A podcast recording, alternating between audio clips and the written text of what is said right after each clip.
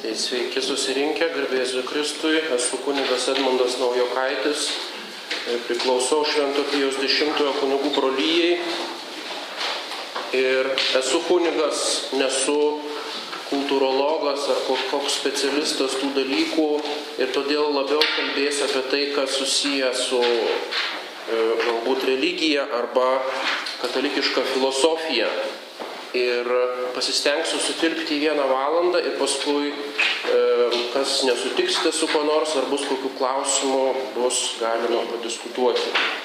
Tema yra kultūra ir kultūriniai karai, taigi maždaug pusę laiko bandysiu apie kultūrą ir pusę apie kultūrinius karus. Ir toks tas terminas kultūriniai karai, nežinau iš kur atsirado, bet man atrodo iš kultūrkampf vokiškai. Savokį įvedė Prūsijos politikas Rudolf Virchow 1873 metais, kada vyko toks konfliktas tarp Prūsijos e, reichskanclerio Bismarko ir popiežiaus Pijaus IX.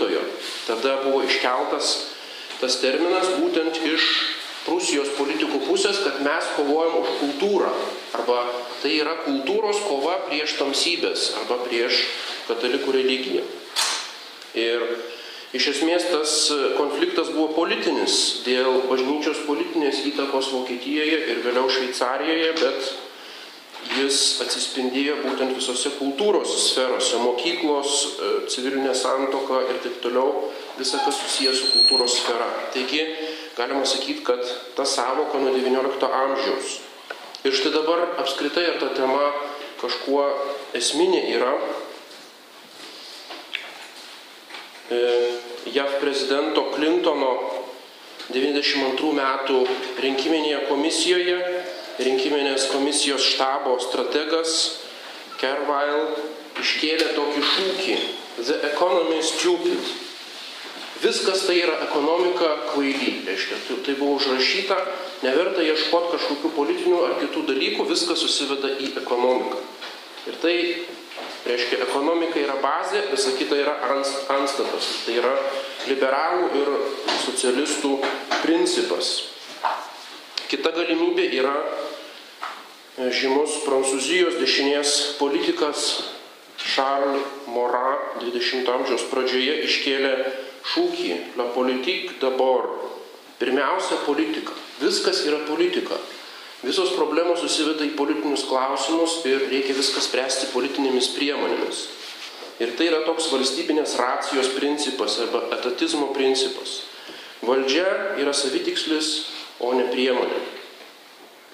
Ir žinoma, katalikai turi savo šūkį omnia ad majorem dei glorija. Taigi svarbiausia yra Dievas ir sielos išganimas ir religija. O politika, ekonomika ir taip pat kultūra visą tai tarnauja sielos išganimui arba tam prieštarauja. Ne valdžia, ne pinigai, ne materialūs dalykai, o pirmiausia dorybė, kuri, kurios dėka pelnome nuopelnus ir tie nuopelnai mums atveria dangų. Tai yra religinis požiūris. Tačiau religija niekuomet nėra grynų pavydalų. Religija visą laiką reiškiasi kultūrinėmis formomis. Ir todėl galime pasakyti, tame žemiškame lygmenyje pirmiausia kultūra. Arba tai yra kultūra kvaily. Toks, toks gali būti principas. Tai yra, kam skirta valdžia, tam, kad jinai tarnautų tam tikram kultūros tipui arba tam tikrai kultūros formai. O kam tarnauja ekonomika? Ekonomika tarnauja ir politikai, ir per politiką kultūrai.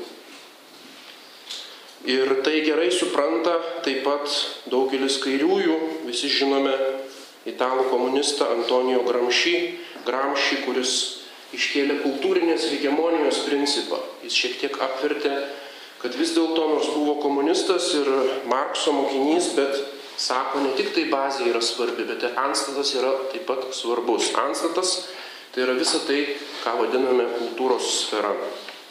Tai yra kas kūrė common sense arba bendrą kultūrinę atmosferą tam tikrame krašte, tas diktuoja galų gale ir bazės sąlygas, tas galų gale įgyja kontrolę ir ekonomiką.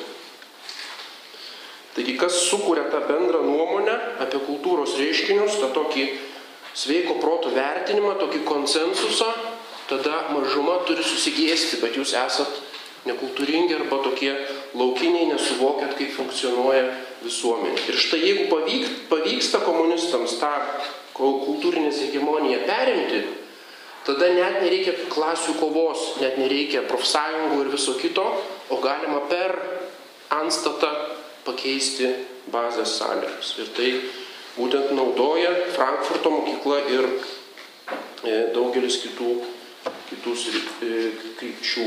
Ir dabar galime pradėti nuo apskritai e, filosofijos, kultūros filosofijos, nuo, nuo pagrindų.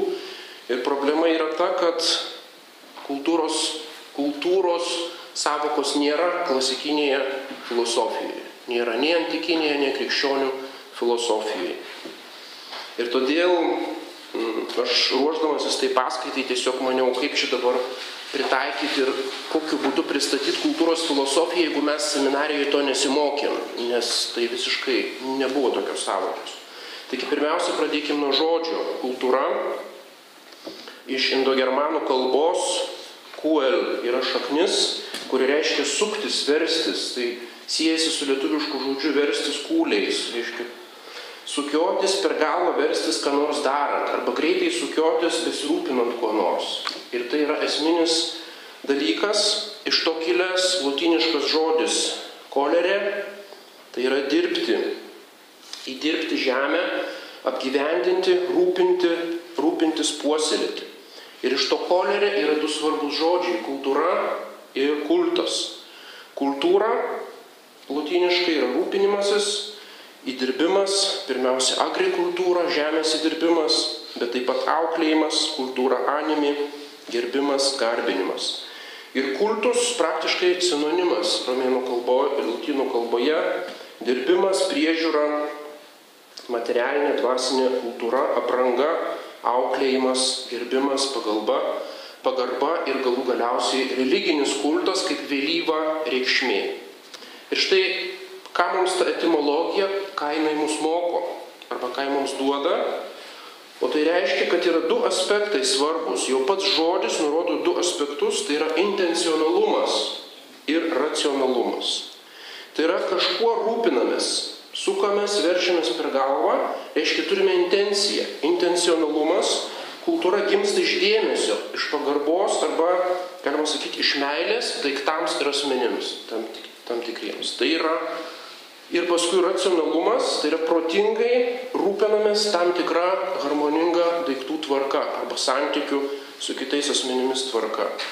Ir iš to yra kultūros ir kulto neatsiejamas ryšys. Ir visi kultūros filosofai, tie senesnės kartos, taip pat ir Lietuvos filosofai kaip Šalkauskis, Maceina šitą pabrėžia ir cituoja daugybę autorių, kad kultūra, daug, daugelis kultūros fenomenų atsirado iš religijos, iš kulto. Arba yra Mamfordo miesto teorija, iš kur atsirado miestas, e, bent jau Babilono egiptiečių civilizacijose, miestas atsirado aplink šventyklą. Tai yra pirmiausia yra kultas, kulto centras ir paskui jis spinduliuoja ir iš jo vystosi kultūra. Ir iš to taip pat yra neatsiejamas kultūros ir religinio kulto kaip pagarbos Dievui atidavimui, atidavimo ryšys. Tai yra kultūra yra tam tikras kultas arba žmogaus asmens iškelimas ir pagerbimas. Žinoma, tas kultas gali virsti antropolatija arba žmogaus tokiu garbinimu. Ir kita vertus, kultas yra taip pat tam tikra kultūra arba etiketas arba mandagumas. Ir tai mes pabrėžėme Švento Pijos X brolyje rūpinasi tradicinė liturgija ir tos liturgijos esminis elementas yra pagarba Dievui, ko dabar pritrūksta dažnai naujojoje liturgijoje. Tai yra su Dievu reikia mokėti apsieiti, kaip sako. Su Dievu reikia pagarbiai pagal tam tikro etiketo taisyklės elgtis. Ir net yra tokia, toks pasakymas, kad visa religija tai yra etiketas arba mandagus bendravimas su Dievu. Pagal tam tikrą tam tikrą formą. Tai yra, jeigu gerbėme asmenį, tada vengiame tokio familiarumo, betarpiškumo, o bendraujame su juo naudodami tam tikrą žodyną ir tam tikras, tam tikras formas. Jeigu prieartėju prie Dievo didybės, tada kreipiuosi į Dievą formaliai arba ceremoniškai, naudodamasis tam tikrą liturgiją. Yra toks, lenkai vartoja vietoje etiketo, vartoja prancūzišką savoką savoir vivre. Savoir vivre, sako vietoje etiketo. Tai, tai yra geros manieros. Savoir vivre žodiškai reiškia gyvenimo žinojimas. Tai yra žmogus, kuris žino, kaip gyventi su kitais žmonėmis. Tas turi etiketą. O kas nežino tų visų subtilybių ir plonybių, tas ateina į tam tikrą žmonių visuomenę ir jaučiasi kaip netašytas tobrys arba kaip e, laukinis, kuris nežino. Ir tai yra įgimta žmogui. Tarkim, visos jaunimo subkultūros, jeigu nori tapti reperiu, tai turi ištisą kodeksą, savo vyvr taisyklių perimti, turi būti atitinkamai nusmukęs klynas, turi būti e, tam tikros sveikinimosi formos, E, tam tikros firmos, reiškia batai ir taip toliau, negali bet kaip apsirengti, yra griežtas kodeksas priklausimų. Ir lygiai taip pat religijoje. Mes ateiname į šventyklą, mes ne bet kaip bendraujame su Dievu, bet naudojame tam tikras mandagumo formas. Ir štai daugiausia tas žodis buvo naudojamas e, žemdirbystės prasme kultūra lotynų kalboje. Ir pirmasis romėnų oratorius Ciceronas pavartojo metonimiškai tą žodį animį kultūrą, sielos kultūra. Bet nei graikų, nei romėnų filosofijoje kultūros savoka nebuvo kažkaip naudojama ar svarbi. Ir štai tik tai 17 amžiuje vokiečių filosofas Samuel von Puffendorf E, pirmą kartą pavartojo modernė prasme šitą žodį. Taigi matome, tai kilę iš jau mm, tos pirmosios bangos racionalistinės, e, racionalistinės filosofijos apskritai šį savoką kultūrą. Tada kyla klausimas, kam tada apskritai apie ją kalbam, ar, jį, ar apskritai toks dalykas yra ir vis dėlto manytume, kad galima būtų tą savoką priimti ir kažkaip bandyti suderinti su klasikinę filosofiją. Ir apskritai kultūrą galėtume tokią definiciją pateikti, tai yra žmogaus įgytų prigimtinių galių veikimo vaisiai arba veikimo visuomenėje vaisiai. Žmogaus prigimtinių galių veikimo vaisiai. Tai yra tokia eilės tvarka ir pirmiausia, klasikinė filosofija pradeda nuo būties yra būtis, kažkas, kas yra realiai. Paskui ta būtis turi tam tikras savybės. Pirmiausia, turi tam tikras galės arba potencijas, kurios aktualizuojamos. Paskui tos galios turi tam tikras savybės. Galių savybės arba latiniškai habitus. Ir dalis iš tų habitus vadinasi darybėmis. Ir prie tos schemos paskui prieisime. Būtent irgi yra ta eilės tvarka. Reiškia, kairėje pusėje, kur tamsiai, tai yra būties, tai kas yra, esantis daiktai. Paskui, jeigu kalbame apie sielą, yra sielos galios, tų galių savybės. Ir štai remiantis tomis savybėmis, ta būtybė pradeda veikti tam tikrų būdų. Ir yra principas adžerė sekvitur esi. Veikimas arba bet koks procesas seka iš būties. Pirma turi būti būtis ir tada jinai veikia. Ir galiausiai turime to veikimo vaisiai. Rezultatai. Ir štai tų visų žmogaus kaip būtybės veikimo rezultatų suma yra kultūra taip galima apibūdinti. Ir štai tada konkrečiai iš kur ta kultūra? Kultūra kyla iš tam tikrų sielos savybių. Tai yra iš tam tikrų darybių. Ir todėl čia klasifikuojame. Pirmiausia, būtis. Čia mes neanalizuosim visos tos schemos, galima laisvalaikį paskaityti. Sielos dalys pagal Aristotelį, perimta vėliau krikščioniškos antropologijos. Ir mano nuomonė, niekas nesugalvojo geresnės klasifikacijos. Ir paskui turime darybės arba tvarias savybės šitų galių, kurios gali būti dieviškosios darybės, tai yra tikėjimas, viltis, meilė, raidelė D, gali būti intelektualinės arba proto savybės, raidelė I, tai yra penkios savybės, ir galiausiai moralinės, moralinės savybės, kurios yra keturios. Ir štai galiausiai dešinėje pusėje, italik, tamsiai išryškintos tų atskirų darybių vaisiai.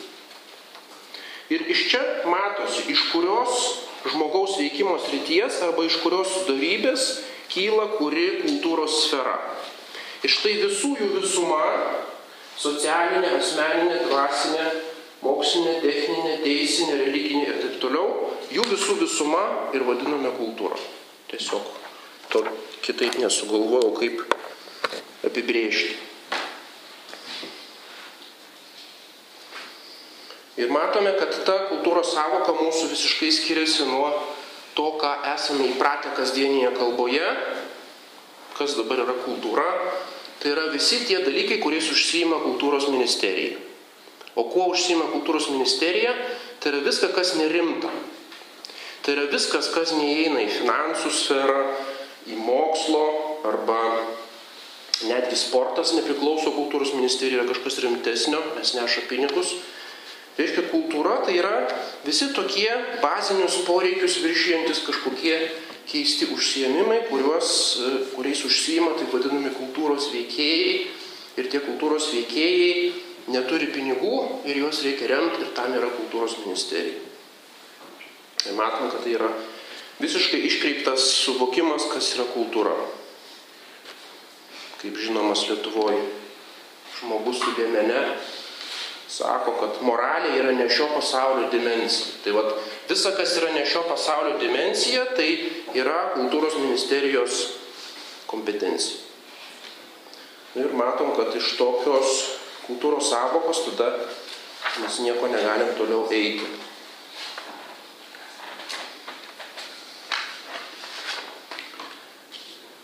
Ir štai kalbėjome apie Pufendorfą, kuris išskyrė kultūrą ir natūrą.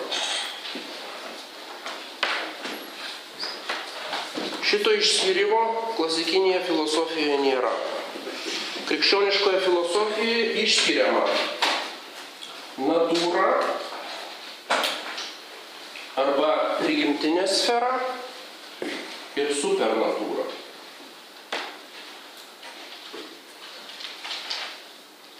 Tai yra antgamtinė sfera. Prigimtinė sfera - tai, kas kyla iš žmogaus laisvos valios ir iš žmogaus veiklos.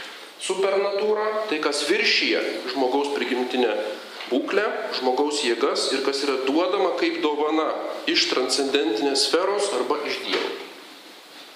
Šitas skirtumas atsirado 13 amžiuje. Reiškia, pas bažnyčios tėvus nėra antgamtės arba antgamtinių dalykų, tokio žodžio nėra.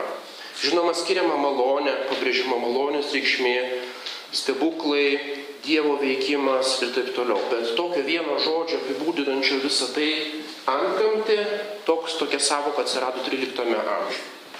Taigi čia tas 13 amžius, o čia 17 amžius. Ir štai Pufendorfas išskyrė, supriešino natūrą ne su malonė, bet su kultūra. Taigi natūra čia visa tai, kas yra ne Dievo sfera, o žmogaus, o toje žmogaus sferoje išskiriame natūrą, tai kas yra duota atvėrimo būdu, tai ką žmogus gauna gimdamas, ir kultūra, ką žmogus pats kūrė. savo jėgomis, būdama samoninga, protinga būtybė. Taigi galų gale turime tris dalykus - supernatūrą, natūrą, kultūrą. Toks pirmas išskirimas. Taigi kas yra prigimtis? Graikiškai fizis, latiniškai natūra, tai kas įgimta, ką gauname gimimu. Tai yra vidinis principas, leidžiantis pačiam judėti gyvose būtybėse arba būti kito judinamų negyvose būtybėse. Taigi akmuo pagal savo prigimtį jisai leidžiasi judinamas. Gyva būtybė, gyvūnas arba žmogus pats juda. Ir tai yra visas jo judėjimas, e, reiškia to judėjimo principas vadiname prigimtimi. Ir prigimtis yra duodama sutvėrimo aktu ir tada neatimamai priklauso tai būtybei ir jis kitaip negali. Jis tiesiog pagal savo prigimtį būtent taip elgesi. Kultūra yra žmogaus veikimas, kylantis iš prigimties, paremtas tos prigimties jėgomis, bet viršijantis prigimti proto dėka. Tas, kas yra protingas, tas kuria kultūrą. Ir todėl gyvūnai kultūros neturi. Ir štai antgamtė arba supernatūra tai yra Dievo veikimas žmogaus atžvilgiu. Taigi antgamtiškai yra tai, kas kyla tiesiogiai iš transcendentinio Dievo veikimo ir kas absoliučiai pranoksta natūrą ir kultūrą. Tas nepriklauso natūrai ir ko žmogus kultūros priemonėmis jokių būdų negali pasiekti. Taigi turime ant gamtinę dalykų tvarką ir turime natūralią dalykų tvarką. Ir be šito skyrimo, be to atsižvelgimo į antgamtę, mes niekada nesuprasime kultūros, kas yra kultūra. Jeigu mes remsimės naturalizmo principu, kad tik tai natūra egzistuoja, tik tai gamta egzistuoja, o antgamtės nėra, tada mes nesuprasime pagrindinių esminių principų veikimo kultūros. Ir štai yra tokie įdomus, čia aš pats sugalvojau, yra tokie įdomus teologiniai principai, kuriuos galima būtų pritaikyti kultūrai. Čia nežinau, gal aš ką nors netaip sakau, bet taip šovė į galvą. Yra toks principas. Natūra habet potentiam obedencialem. Prigimtis turi klusnumo potenciją. Supernatūros atžvilgiu. Tai yra teologiniai principai, kurie nagrinėja prigimties ir malonės santykių. Taigi pirmas principas - prigimtis jau turi savyje potenciją priimti antgamtį. Taigi antgamtė nėra kažkoks, žinoma, antgamtė tai kažkas, kas nukrenta iš dangaus, kas visiškai nepriklauso nuo žmogaus, bet žmogus jau yra taip sutvertas Dievo, kad gali priimti, kad ta antgamtį jo neprievartauja, jo ne, ne, nenaikina. Ir štai tai, kas žmogui yra antgamti, tai tas neprotingiems daiktams yra kultūra. Ką tai reiškia? Kad daiktai visi yra sutverti arba gyvūnai taip, kad turi potenciją obedencialis arba klusnumo potenciją priimti kultūrą. Tai reiškia, žmogus taip sutvėrė avinėlius, paršelius, arklius ir akmenis ir medžius, kad jie yra pritaikyti žmogaus poreikiams, pritaikyti kultūros kūrimui. Jie turi pasyvę galimybę priimti aukštesnės tvarkos veikimą. Tai yra labai svarbu. Ir galima sakyti, malonė, malonė savoka apima, tarkim, sakramentus, tarkim, dorybės įlietasias, tarkim, stebuklus, visą išganimo tvarką, čia nesileisim į teologiją. Taigi visą tai galima būtų pavadinti Dievo kultūra. Arba Dievas dirba žmogų kaip tokią žemę, arba augina kaip medį, nugenėdamas blogas šakas, arba ugdo kaip e, tam tikrą meno kūrinį. Reiškia, žmogus yra Dievo meno kūrinys, taip kaip pradžios knygos pradžioje taip ir atrodo, kad iš žemės molio Dievas kaip puodžius, kaip pamatininkas lipdo žmogų. Ir antgamtės rytyje taip pat Dievas formuoja žmogaus sielą ir jį veda į išganimą. Tai yra Dievo kultūra. Ir lygiai tą patį žmogus daro kosmoso atžvilgiu, arba daiktų, arba gyvūnų atžvilgiu. Tai, kas žmogui yra malonė, tai visam pasauliu yra kultūros veikimas. Kitas principas - supernatūra suponis natūrom. Tai yra antgamtiai reikia prigimties. Antgamtė suponuoja arba numato e, prigimtį. Tai yra, nėra taip kaip pas protestantus, kur prigimtis yra absoliučiai sugadinta žmogaus ir tada ateina malonė, kuri visiškai pakeičia prigimties veikimą. Ir prigimtis yra visiškai sugedusi ir visiškai nereikalinga ir turi Dievas dirbtinai iš išorės, reiškia, veikti. Bet ne, taip nėra. Pagal katalikišką teologiją antgamtį reikia prigimties. Ir analogiškai vėlgi mūsų klausimų galime išvesti, kad natū, kultūrai reikia natūros. Reiškia, mes negalim imtis kultūros, neatsižvelgdami į daiktų prigimtį, neatsižvelgdami į gyvūnų, augalų, materialių dalykų prigimtį. Kultūra suponuoja tam tikras natūralias savybės ir tas savybės vysto.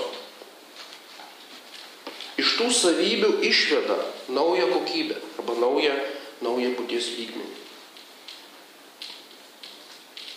Ir todėl yra klaidingi visi bandymai supriešinti kultūrą su, su gamta. Tai žinomiausias atvejis tai yra Jean-Jacques Rousseau, kuris sako, yra konfliktas tarp kultūros ir prigimties. Prigimtis yra gera ir prigimtis turi būti, o visa, kas kyla iš žmogaus, žmogus nieko kito nesugeba, tik tai privartauti gamtą, privartauti prigimtį ir kurti kultūrą, kur yra savaime bloga. Arba yra kitas, kitas kraštutinumas, kad tik tai kultūra į, į gamtą galima visiškai nesižvelgti. Kad žmogus gali konstruoti ne tik tai išorinio pasaulio dalykus, bet konstruoti ir savo paties prigimtį. Ir dabar šitą matome žinomoje gender ideologijoje, kuri būtent teigia, kad žmogaus prigimtį galima visiškai laisvai sukonstruoti kaip iš lego kaladėlio jo lytinę tapatybę ir taip pat tų tapatybių tarpusavio santykius. Šeima yra tik tai vienas iš daugelio modelių, o galime konstruoti kaip mums patinka. Taigi neatsižvelgimas visiškas į gamtą ir į prigimtį. Ir štai iš tų teologinių principų matome, kad galime išvesti tam tikrus principus kultūros filosofijai. Kitas toks skirtumas yra Prigimtis, prievarta, menas.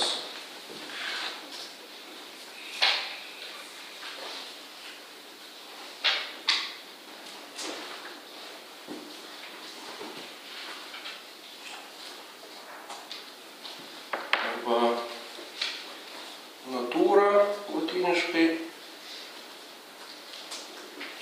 violentum ir ars. metafizinis skirtumas, prigimtis tai yra, kaip vidinis principas leidžiantis daiktui pačiam judėti. Arba būti kito judinamu pagal jų prigimtį. Kas yra menas? Tai yra metafizinė savoka, ne estetinė savoka. Tai yra iš išorės judinimas. Dalyko judinimas iš išorės. Davimas jam tam tikros aukštesnės už tą, už tą jo prigimti tvarkos.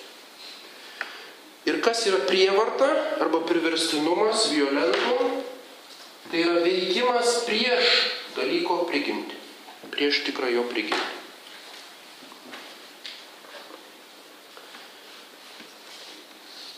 Ir štai tai yra fundamentalus skyrimas. Kadangi jeigu šito neskiriame, tai atsiranda tendencija meno sritį painioti su prievarta. Tai yra visa, kas kultūra, te, e, traktuoti kaip prievarta prieš prigimtį. Sakoma, natūra tai yra principas savęs judinimas, pats pats judina. Taigi imkime e, vaiką. Reiškia, jis turi teisę save pats iš savęs aukti pagal savo prigimties poreikius. Ar gali pedagogas imti auklėti vaiką? Tai yra, reiškia, e, daryti jam įtaką. Ir štai Ruso, man rodo, Emilis yra jo tas kūrinys, sako, ne, auklėjimas privartauja. Reiškia, jis tai, kas ir priklauso meno sferai, pedagogika arba žmogaus kultūros, kultūra animi formavimas, jis supainioja su prievartu. Tai sako, kiekvienas auklėjimas yra